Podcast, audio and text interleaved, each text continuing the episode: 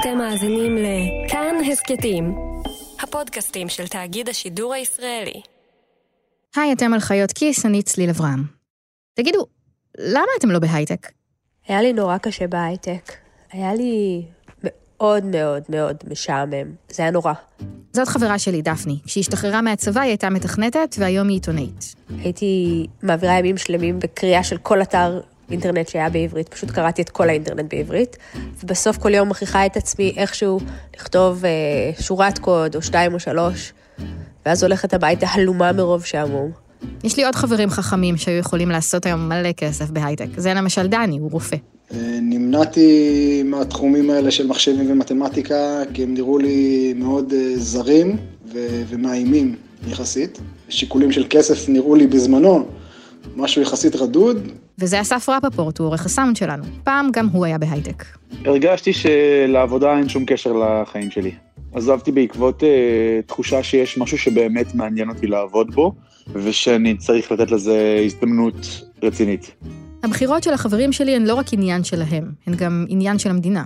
בתור אזרחים במדינת ישראל, בטח יצא לכם לשים לב שהמדינה לא פה סתם כדי לספק לכם שירותים. למדינה יש תוכניות בשבילכם, היא רוצה שתעשו דברים מסוימים. למשל, היא מאוד מאוד רוצה שתגורו בפריפריה, מאוד. היא רוצה שתחסכו כסף ושתחסכו לילדים שלכם כסף, היא נותנת לכם הטבות מס בשביל זה. יש אנשים שחושבים שזה נראה כאילו היא רוצה שתעשו ילדים, למרות שזאת לא מדיניות פורמלית. לאחרונה היא רוצה שתיסעו בתחבורה ציבורית, והמדינה גם מאוד מאוד רוצה שתעבדו בהייטק. הצבענו על מחסור של כ-15 אלף אה, תפקידים טכנולוגיים אה, בהייטק, זאת אומרת משרות שהן פתוחות ומחכות לאיוש. עבודה בהייטק לא מצילה חיים, לא מיישבת את הארץ, לא משקמת את השכונות, היא לא שומרת על הגבולות ולא תורמת למלחמה בסמים. אבל היא עושה משהו אחר, שקשה לראות אותו, אבל כולנו מרגישים אותו. היא מעלה את הפריון של המשק הישראלי ומעלה את רמת החיים של כולנו. עבודה בהייטק גם נתפסת כמו חלום ישראלי, על שכר גבוה ומשרדים מעוצבים עם נוף יפה, אבל למרות כל הפיתויים האלה, לא כל מי שיכול לעבוד בהייטק בוחר לעשות את זה. אז השבוע בחיות כיס, למה אתם לא עובדים בהייטק? מה צריך לקרות כדי שתעבדו בהייטק? והאם זה בכלל רעיון טוב?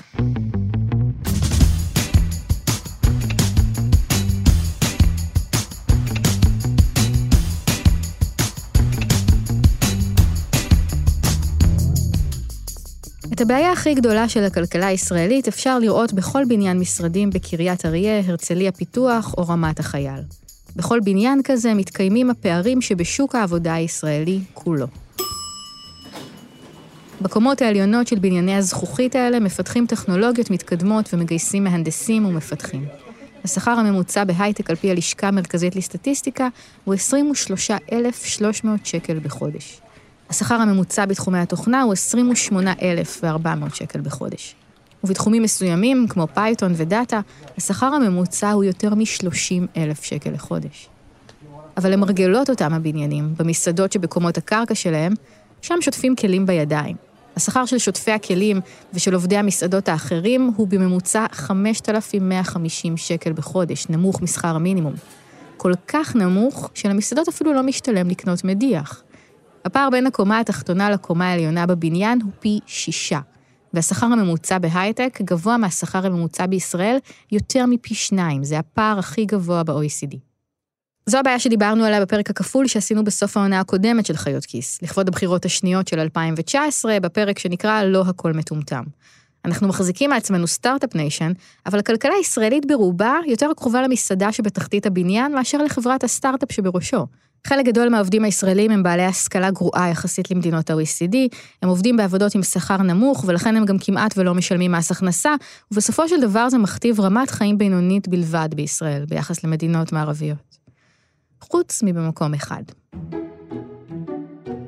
ההייטק הוא האמריקה שבישראל, 318 אלף איש, פחות מ-9% מהעובדים שחיים אחרת. ההשכלה שלהם מעולה, המיומנויות שלהם גבוהות מאוד. הם אחראים ל-43% מהייצוא בישראל, והם משלמים רבע מכל תשלומי מס הכנסה. לזה מתכוונים כשמדברים על הקטר שסוחב את המשק. מה שמעלה את השאלה, אם יש לנו 9% בפריון גבוה מאוד, וכל השאר ככה ככה, למה שלא ניקח את כל ה-91% ונשים אותם בתוך ה-9%? אנחנו מדברים על זה שנגיע לחצי מיליון איש שעובדים בתעשייה אה, מוטת חדשנות, ואנחנו חושבים שזה יעד אפשרי, אנחנו שמנו אותו כיעד ל-2030, והוא אמביציוזי, אבל הוא אפשרי. זו נעמי קריגר כרמי. סמנכ"לית של רשות החדשנות ומנהלת הזירה החברתית-ציבורית ברשות. אה, הזירה הזו מתעסקת בנושא של פיתוח הון אנושי מיומן לתעשיית ההייטק. רשות החדשנות, שנקראה פעם המדען הראשי, היא רשות במשרד הכלכלה, והמטרה שלה היא לעשות בדיוק את מה שאמרנו קודם, לקחת את ההייטק הישראלי ולהגדיל. היא עושה את זה בכל מיני דרכים. משקיעה בחברות סטארט-אפ, בעיקר כאלה שההשקעה בהן מסוכנת מכדי לגייס הון במגזר הפרטי. היא מסייעת ליזמים ומקדמת חדשנות בתעשיות מסורתיות. והיא עוסקת בעוד בעיה אחת, שהיא בדיוק הבעיה של נעמי. תאירי מנכ"לית או מנכ"ל של אה, חברת הייטק בלילה ותשאלי אותם אה, על מה מטריד אותך. רוב הסיכויים שהוא יגיד מחסור באנשים, אה, באותה מידה שהוא יגיד מחסור בכסף או הסבב הגיוס הבא.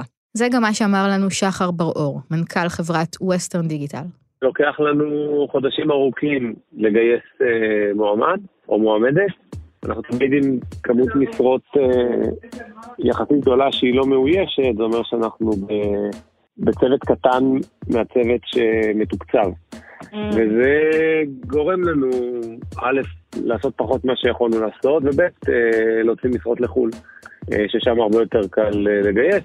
מהבעיות שמטרידות אותך בתור מנכ"ל כשאתה קם בבוקר, מה, באיזה, איפה היית מדרג את זה?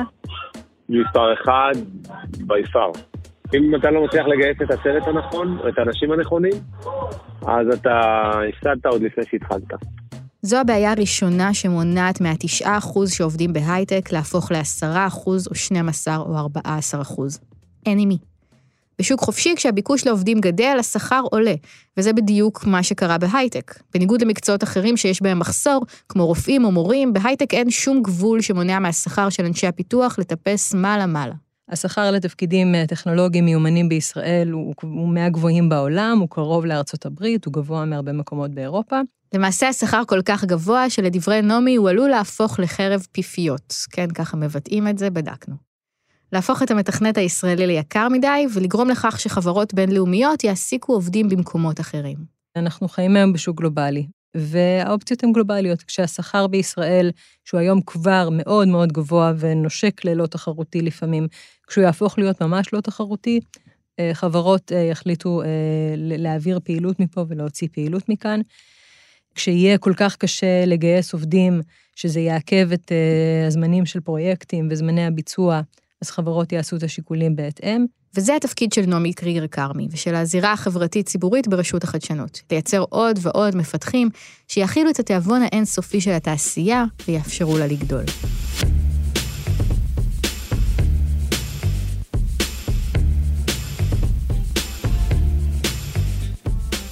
החלטת ממשלה 2292, תוכנית לאומית להגדלת כוח אדם מיומן בהייטק, התקבלה ב-15 בינואר 2017.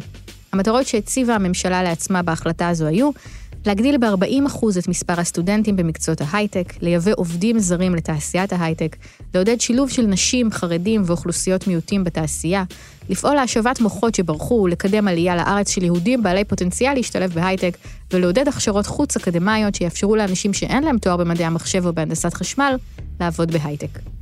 המשימה הזו הוטלה על רשות החדשנות. לפני שנה השיקה הרשות את תוכנית הדגל שנקראת סיירות תכנות, Coding Bootcamps. ממר"ם באזרחות. זאת אומרת, לוקחים אנשים עם יכולות גבוהות, אבל בלי רקע מוקדם, ובהכשרה אינטנסיבית של כחצי שנה, אה, מלמדים אותם לתכנת.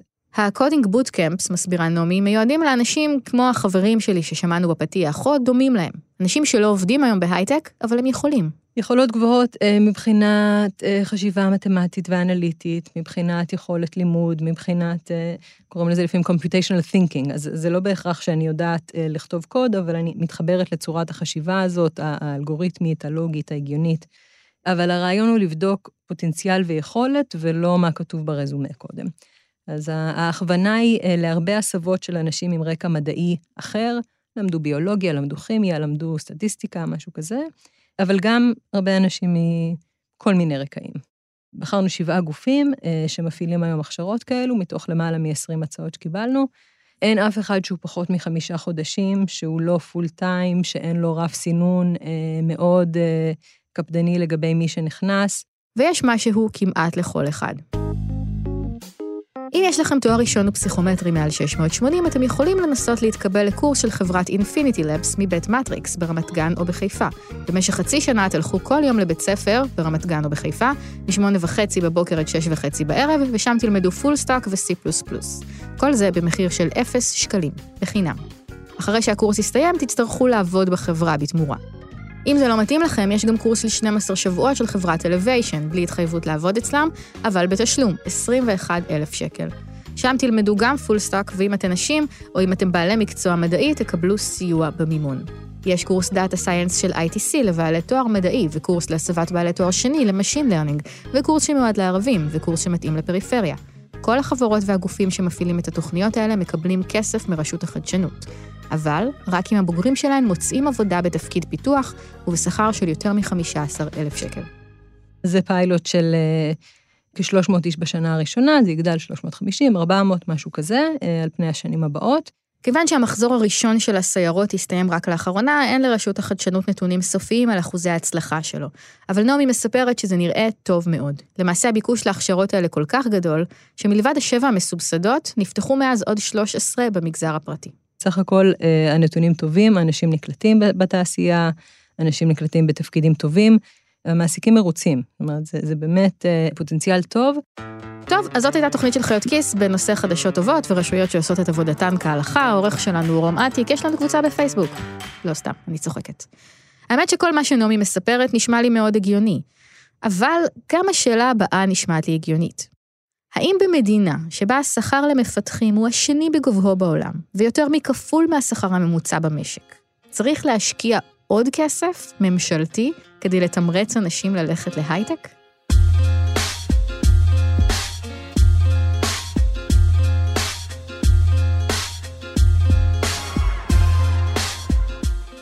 היינו חושבים שיש תמריץ כל כך גבוה להיכנס להייטק, הייטק הרי משלם שכר כל כך גבוה, ששיעור העובדים בהייטק יעלה על פני זמן.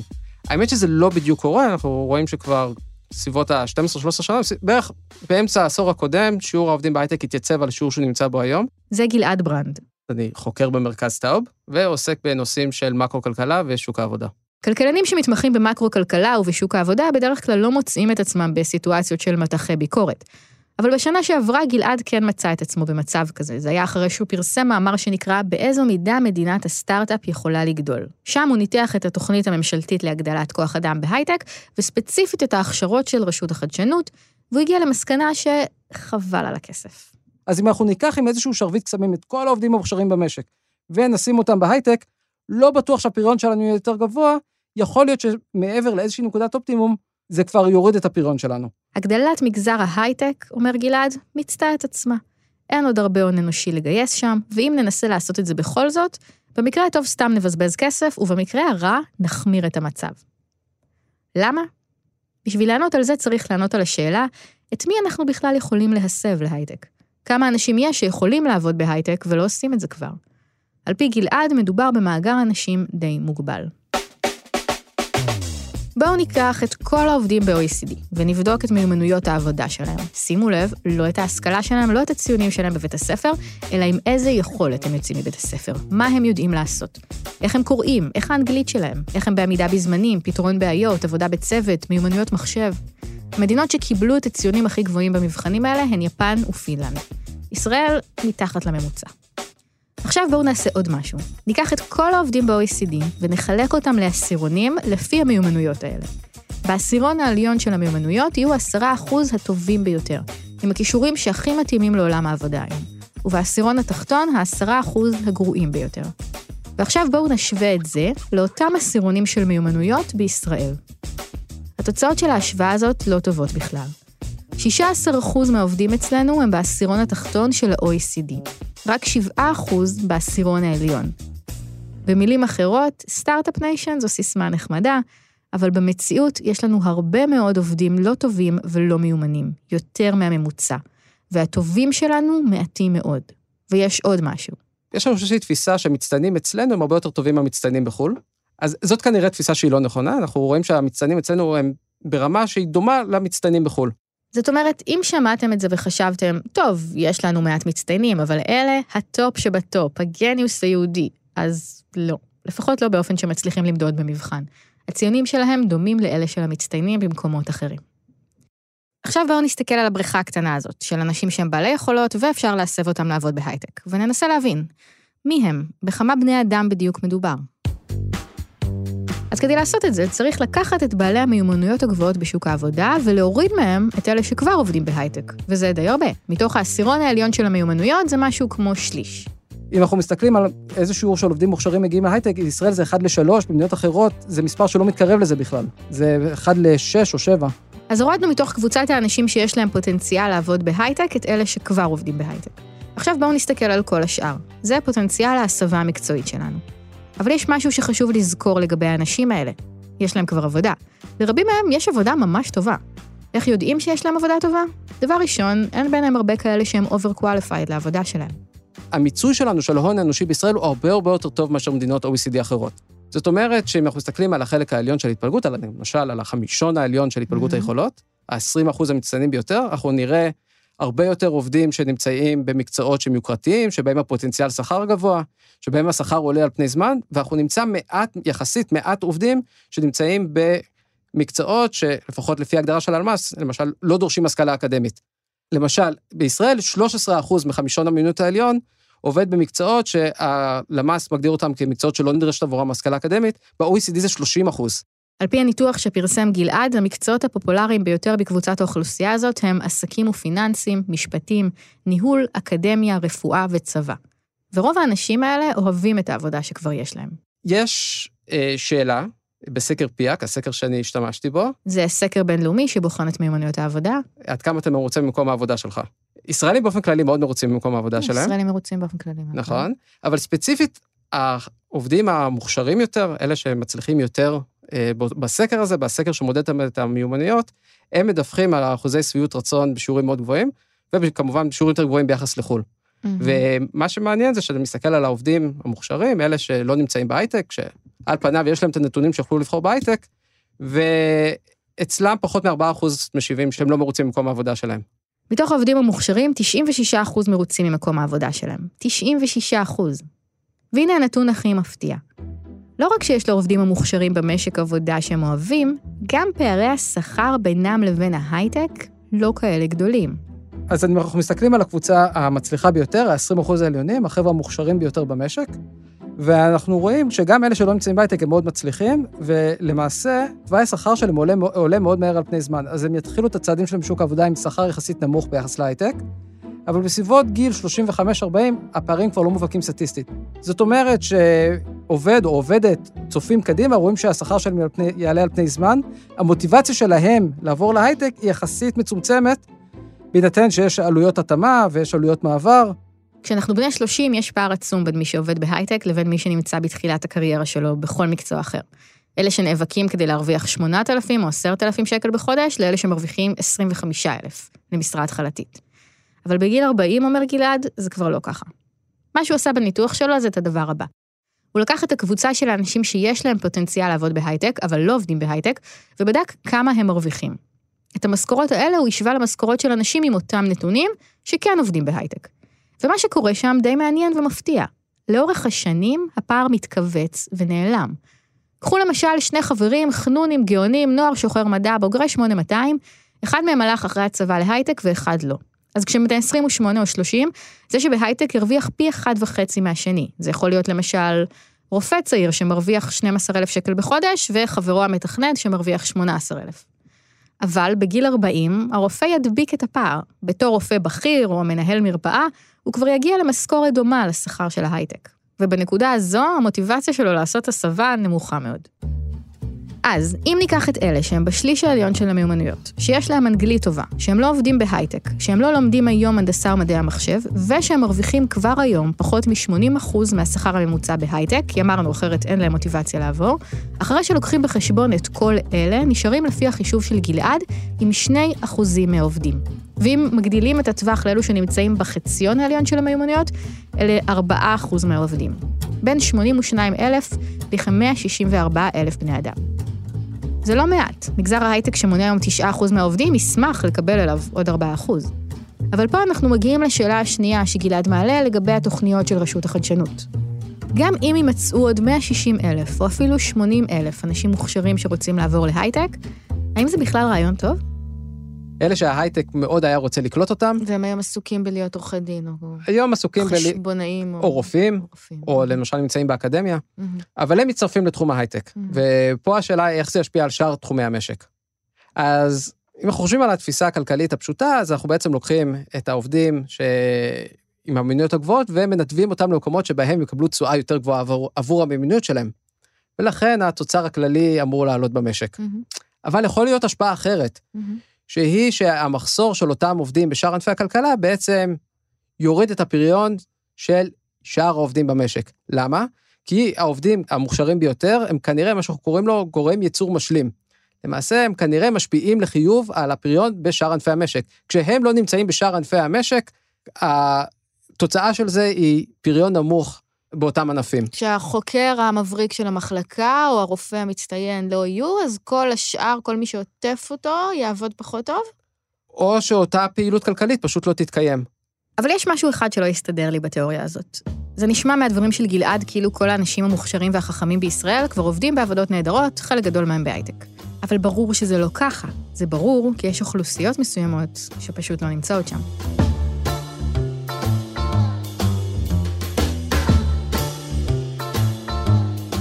עד עכשיו דיברנו על עובדים בהייטק, באופן כללי, על שוק העבודה, מין גוש כללי של נתונים על בני אדם.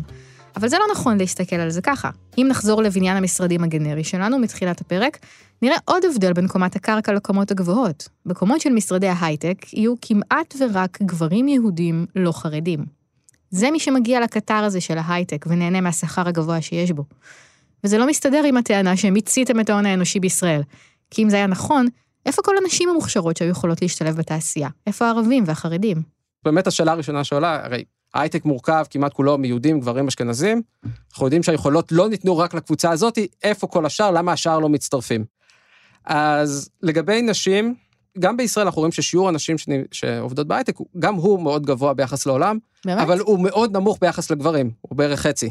זה לא עניין של מיומנות, זה לא כשלים במערכת ההשכלה, זה כנראה נובע מסיבות אחרות. למה אין הרבה נשים בהייטק? זו שאלה שנכתב עליה המון. יש לזה המון סיבות, ולא נוכל להיכנס לכולן כאן. אבל בגדול, בעוד שבנות הן תלמידות מצטיינות, לאורך הדרך יותר ויותר מהן מקבלות איכשהו את האיתות שהייטק זה לא המקום בשבילן. עד לא מזמן, פחות בנות למדו חמש יחידות מתמטיקה מבנים. זה השתנה ממש לאחרונה. פחות בנות הולכות ליחידות טכנולוגיות בצבא.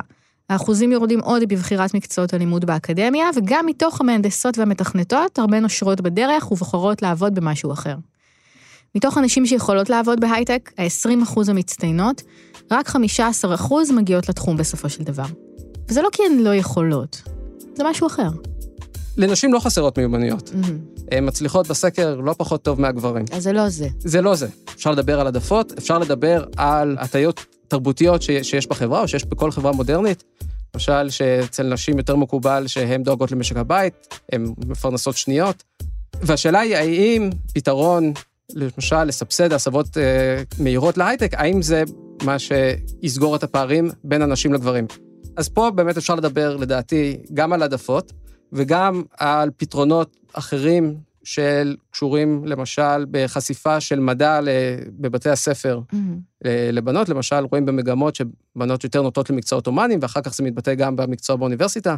אפשר לדבר על חשיפה בשלבים מוקדמים יותר של מערכת החינוך. לא בטוח שהפתרון של סבסוד הכשרות מקצועות להייטק, זה מה שרלוונטי לנשים, זה מה שיצליח להגדיל את שיעור הנשים שפונות להייטק. לדעתי זה פתרון שפחות רלוונטי עבור הבעיה הזאת. Mm-hmm. זאת שאלה שבאמת אין לי תשובה עליה. אם נשים יכולות ללכת להייטק, ובכל זאת לא הולכות, האם הסבה מקצועית בגיל מאוחר, כשהן כבר מבינות את ההשלכות של הבחירה, יכולה לשנות את דעתן? נעמי קריגר כרמי חושבת שכן. היא מסבירה שבין אלה שלא עובדות בהייטק, יש כאלה שכן למדו מדעים, ויכולות עכשיו לשנות את דעתן. ומי שלא בחרה הנדסה, כשהלכה ללמוד לתואר ראשון, למה שעכשיו היא תבוא? מאותן סיבות שכל אחד אה, שככה כמה שנים לתוך הקריירה מסתכל ואומר, האם זו הייתה הבחירה הנכונה בשבילי, האם אני ממצה את הפוטנציאל שלי, ממצה את היכולת ההשתכרות שלי. אז, אז זה אפיק אחד באמת, של נשים שנגיד למדו משהו אחר, ואפשר לבוא ולעשות הסבה, והיום גם ההתפתחות של התחומים מאוד מעודדת את זה, כי הכל היום הוא אינטרדיסציפלינרי, אז זה, זה הנדסה רפואית וזה ביואינפורמטיקה, זה מי שלמדה ביולוגיה בעצם יכולה לחבר את זה, וכן, זה תחום שהיא רוצה, עיצוב ומדעי המחשב, פסיכולוגיה ומדעי המחשב אפילו, זאת אומרת, data science זה, זה המון מדעי החברה, זה, אז יש הרבה דברים שאולי נשים בחרו ללמוד. הן אוהבות את הצד האנליטי ומתחברות אליו, וזה יכול אה, להתחבר אה, טוב. את לא חושבת אבל שהקושי של נשים להשתלב בהייטק נובע מזה שהשעות עבודה שם פשוט בלתי אפשריות? זה, כאילו כמה שהן ילמדו מחשבים, בסוף מגיעים לשלב הזה שאי אפשר לשלב עבודה ומשפחה, ואין להן בן זוג בבית שידאג לילדים, זה... אני חושבת שזה חלק מהסיפור, אני באופן אישי לא אוהבת שעושים מזה יותר מדי סיפור, אני קודם כל רואה נשים בהמון המון תחומים אה, אה, תובעניים, שעובדים בהם קשה, שעובדים בהם שעות ארוכות, אה, עורכות דין, מנהלות, תקשורת, ואני לא רואה שנשים מפחדות מעבודה קשה, כולל גם לעבוד שעות אחר הצהריים. אני רואה מהצד השני מגמה מבורכת של גם יותר גברים, שהנושא של משפחה חשוב להם, וזה, אני חושבת שהשינוי הגדול יבוא כשזה לא יהיה רק עניין של נשים, אלא עניין של כולם. צריך להסתכל על תרבות העבודה בהייטק. זה משהו שיכול לקרות ברמת חברה, זה יכול לקרות אה, ברמת המשק. אה, אבל אני לא חושבת שילדה בת 15 לא הולכת למגמת מחשבים, כי היא חושבת על זה שבגיל 30 אה, לא יהיה לה סידור לילד כשהיא תעבוד בחברת הייטק. ואם נשים הן מיעוט בהייטק, רבע מתפקידי הפיתוח, יש מגזרים שלא נמצאים שם כמעט בכלל, חרדים וערבים. כאן אנחנו מגיעים לשאלה יותר עמוקה לגבי מיומנויות. מאיפה משיגים אותן? מיומנויות בשוק העבודה הן לא משהו שנולדים איתו, זה לא משהו שנמצא במי השתייה, זה משהו שרוכשים. והבריכה הזו, המאגר של 20% המוכשרים בקרב העובדים הישראלים, יש בה מעט מאוד חרדים וערבים, כי הם יוצאים ממערכת החינוך הישראלית עם יכולות נמוכות. אנגלית זו דוגמה מצוינת, כן. Mm-hmm. יש, למשל, אצל האוכלוסייה החרדית, 60% מהגברים החרדים מדווחים שהם לא יודעים אנגלית אפילו ברמה בסיסית. Mm-hmm. גם אצל הגברים ערבים, מספר זה עומד על 40 אחוז. אם לא... 40 אחוז לומדים במערכת החינוך הישראלית ולא יודעים אנגלית? כן, באוכלוסייה הערבית, אם אני זוכר נכון, גברים ערבים, 30 אחוז מהגברים הערבים מדווחים שהם גם לא יודעים עברית. אז זה כשל מאוד חזק של מערכת החינוך, קשה מאוד ליישם מדיניות שבאמצעות הכשרה של חצי שנה אפשר לגשר על הפער הזה.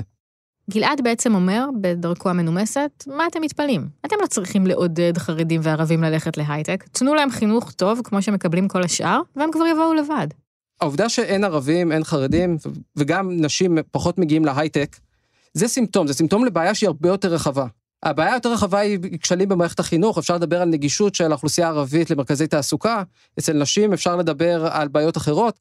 אז האם ברשות החדשנות לא יודעים את כל זה? האם הם חושבים שאת מה שמערכת החינוך הישראלית לא עשתה ב-70 שנה, הם יכולים לעשות בקורס לשישה חודשים? האמת שלא ממש. וזה גם לא מה שהם מנסים לעשות. קודם כל, נעמי אומרת, גם בקרב החרדים והערבים, יש כאלה שהכשרות מתאימות להם. יש שם הרבה מאוד אקדמאים, פשוט במקצועות אחרים. יש בהחלט פוטנציאל מאוד אה, משמעותי של אנשים שהמודל הזה רלוונטי להם. ערבים שלמדו רוקחות, כי כולם למדו רוקחות, ובעצם היה יותר מתאים להם להיות מהנדסים. אה, נשים חרדיות שלמדו הוראה, כי כולם למדו הוראה, אז, אז יש. ודבר שני, היא אומרת, ההכשרות האלה הן כלי אחד, דבר אחד שרשות החדשנות עושה, מתוך קשת שלמה של דברים שצריך לעשות. אנחנו מדברים פה על תנועה גדולה של המשק, אנחנו מדברים על זה שבסוף ההייטק היום הוא 75 אחוז גברים, הוא 67 אחוז במרכז הארץ, ואנחנו אומרים, אז אנחנו מפספסים. אנחנו מפספסים המון המון פוטנציאל שנמצא באזורים גיאוגרפיים אחרים, שנמצא אצל נשים, וזה מה שצריך להסתכל. וצריך להסתכל על, על השינויים שעושים מהגילאים הצעירים, כדי שלא נפספס אנשים ורק נבוא אליהם אחרי זה בגיל 30 ונציע להם הסבה, שבאמת זו אופציה שמתאימה רק לקבוצה קטנה. ובסוף צריך לזכור, זו תחרות גלובלית. כאילו, אנחנו, אנחנו רוצים שהדברים האלה יהיו בהובלה כאן, בחברות ישראליות.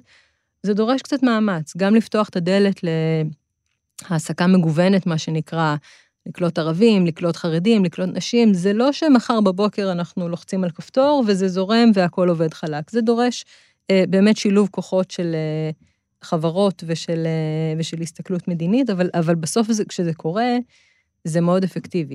בחלק מהמקומות, היא אומרת, זה כבר קורה. אז עם ערבים, אני חושבת שקודם כל צריך להכיר ולשמוח על משהו טוב שקרה במדינה הזאת, המהפכה הגדולה כבר קרתה. היום, אם את מסתכלת בטכניון, אה, זה בערך 20 אחוז מתלמידי הנדסה הם ערבים, כנ"ל באוניברסיטת חיפה, כמובן יש גם עניין גיאוגרפי פה, אז הם יותר בצפון, אבל גם בתל אביב וגם בעברית, אז, אז הכמות המהנדסים ומהנדסות, אגב, המון נשים, גם ערביות, שנכנסים כל שנה למשק, זה Game Changer, וזה פשוט לא היה פה עד לפני uh, uh, כמה שנים, ו- ועכשיו זה מחלחל לתוך החברות. עכשיו החברות צריכות להרים את הכפפה ולראות, uh, ויש המון חברות בישראל שעשו את זה בצורה מאוד מוצלחת ונהנים מהפירות. היום ערבים הם שלושה אחוז מהמועסקים בהייטק, בחברות הגדולות של 500 עובדים ומעלה זה כבר שמונה אחוז. אפל בחיפה זה שליש מהנדסים ערבים. זאת אומרת, זה, זה, המהפכה שקרתה פה היא מדהימה, אה, ואני חושבת שהיא מאוד מראה על הכיוון של, אה, יש עוד חלקים גדולים של החברה שלא בתוך המסיבה הזאת של ההייטק, ויכולים להיות. מה שנעמי אומרת זה, כן, נעשה הכשרות קצרות אבל טובות, וככה נגדיל קצת את כוח האדם בהייטק. אבל זה לא הכל, זה חלק ממדיניות כוללת, זו שהוזכרה גם בהחלטת הממשלה שדיברנו עליה בהתחלה, שבה נעודד נשים וערבים ללמוד מדעים, נשפר את מערכת החינוך, נעודד את החדשנות בתעשיות אחרות שהן לא הייטק, ובסופו של דבר, כל אחד יתקדם מדרגה אחת למעלה. מי שעובד כהנדסאי, ולקחת אותו רמה קדימה, להיות אה, מפתח, להיות אה, מקודד, ואת מי שעבד במשרה מתחת, להביא ל... את הנהג להפוך להנדסאי ואת ההנדסאי למתכנת? לצורך העניין. שוב, אני, אני, אני שוב אומרת, כאילו בואו לא ניתפס לדיון של לקחת אנשים קיימים ולהזיז אותם בתוך הזה, אלא בואו נסתכל על הדור הבא. הדור הבא של הילדים שיגדל פה, כן, יהיו פה פחות נהגים ופחות אה, אה, עובדי אה, נציגות טלפונית, ויותר עובדים במיומנויות קצת יותר מורכבות, וזה באמת המקום ששוק העבודה צריך ללכת אליו. בסופו של דבר, עד כמה שהצלחתי להבין, נעמי וגלעד לא חלוקים ביניהם בשאלה האם ערבים מסוגלים לעבוד בהייטק, או האם צריך לעודד נשים ללמוד מדעים. נראה לי ששניהם מסכימים שכמה שיותר אנשים עם יכולות גבוהות זה דבר טוב. השאלה היא האם המדינה צריכה לעודד את האנשים האלה לעבוד במקום מסוים, מה שיגדיל את הפריון, יצעיד את המשק קדימה ויתרום לכולנו. או שהמדינה צריכה רק לתת להם חינוך כמה שיותר טוב, ומשם הם כבר יסתדרו. והאם בכלל המדינה צריכה לנתב, האם היא צריכה לבחור ענף אחד או תחום אחד שהיא חושבת שהוא מצליח ולנסות לעודד אותו?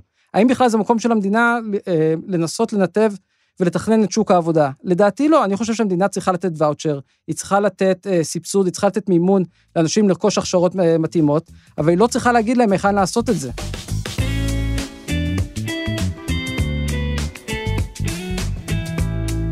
אז מי צודק?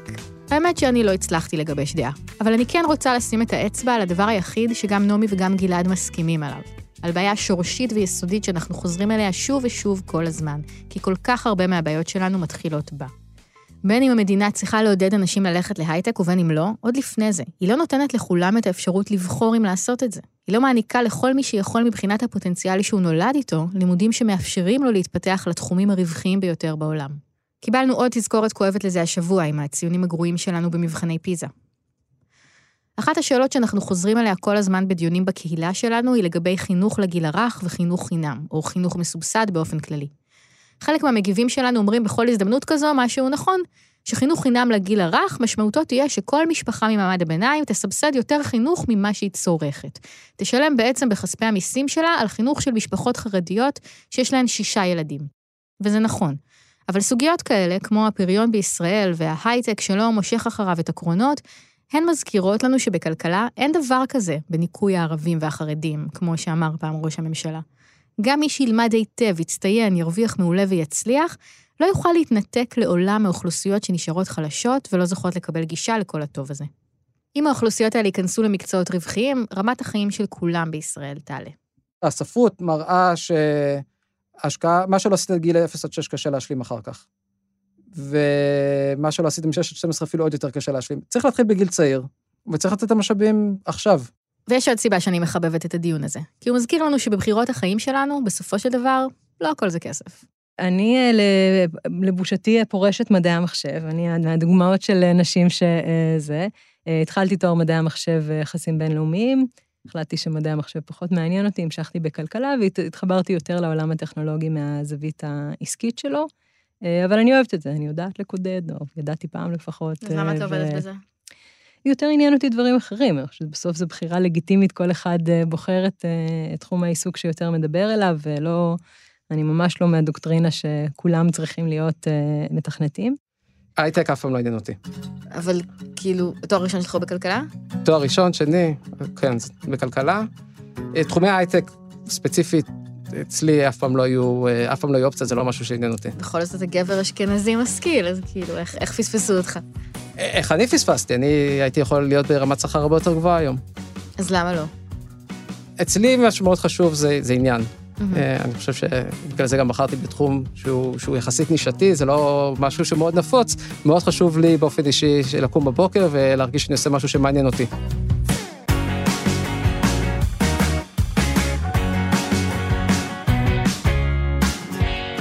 אנחנו חיות כיס, הפודקאסט הכלכלי של כאן. את הפרק הזה ערך רום אטיק, את הסאונד ערך אסף רפפורט, כי הוא אוהב את זה יותר מלעבוד בהייטק. במערכת חיות כיס חברים גם דנה פרנק ושאול אמסטרדמסקי, שגם שניהם יכלו לעבוד בהייטק ובחרו לא.